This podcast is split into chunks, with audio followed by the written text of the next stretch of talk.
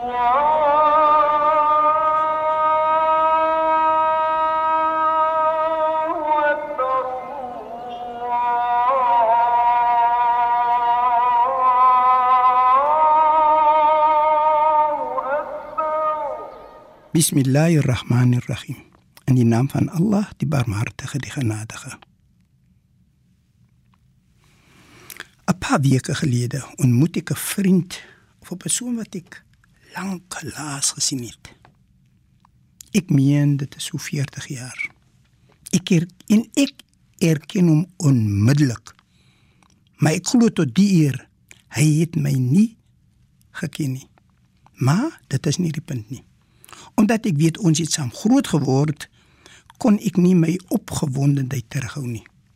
Ek vra hom uit oor sy ouers, sy broers, sy susters, wat hulle doen en waar hy is en so en so voort, jy weet.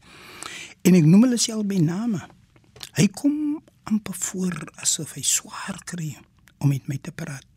En dit maak my voel so koud teenoor hom. Ek kry die indruk dat hy geen eerlikwaar nie vir my nie. Later glo ek dat ek 'n groot fout gemaak het. En dit is toe ek dit los. So 'n halfuur of so later kom 'n dametjie die die vertrek binne. Sy kyk my kant toe en amper uit die staanspoor het begin sy praat met my. En sy vra my man, "Hoe gaan dit met my?" En later raak ons diep in gesprek oor die ou woonbuurt en die mense en wie die mense nou is en wat alles gebeur het. En toe roep sy die persoon wat ek dink ek ken nie. En hy kom nader en mens kan sien hy loop baie baie stadig. Later moet die vrou self verduidelik wie hy is en waar hy vandaan en, en hoe die hele die hoe die hele hand in die handskoen pas. Hy weier tog nog om te praat met ons. En toe hulle toe later weggaan en ek sit stil toe besef ek dat ek moes eintlik gedink het oor die Heilige Koran. En kom ek haal aan in Hoofstuk 2, afdeling 4, vers 34, waar dit gesê word: Bismillahirrahmanirrahim. In die naam van Allah, die Barmhartige, die Genadige. En toe ons die engele ges, gesê het: Onderwerp julle aan Adam, het hulle voor nie, voor hom neergebuig, behalwe Satan. Hy het geweier want hy was hoogmoedig en hy was een van die ongelowiges. Toe ek nou so die hele prent terugspeel in my kop toe besef ek wat eintlik gebeur het.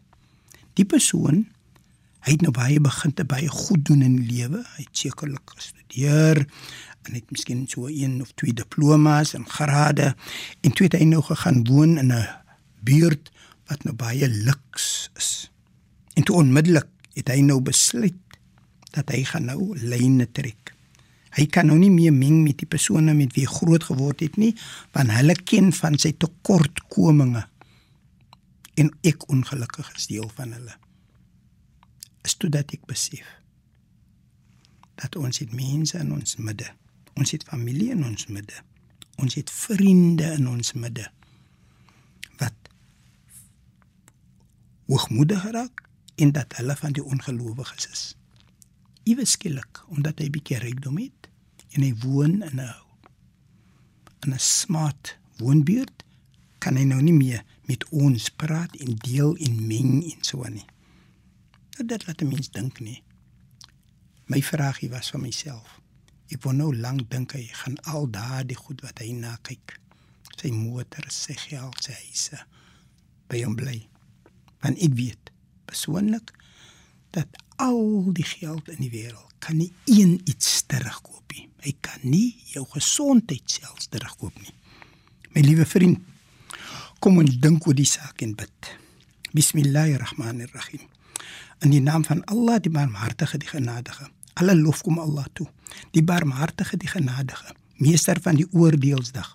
U alleen aanbid ons en u alleen smeek ons om hulp. Lei ons op die regte weg. Die weg van hulle aan wie guns bewys het. Nie die weg van hulle op wie toe nie gedaal het of die weg van hulle wat afgedwaal het nie. Walhamdulillahi rabbil alamin in alle dank en prys kom toe aan u.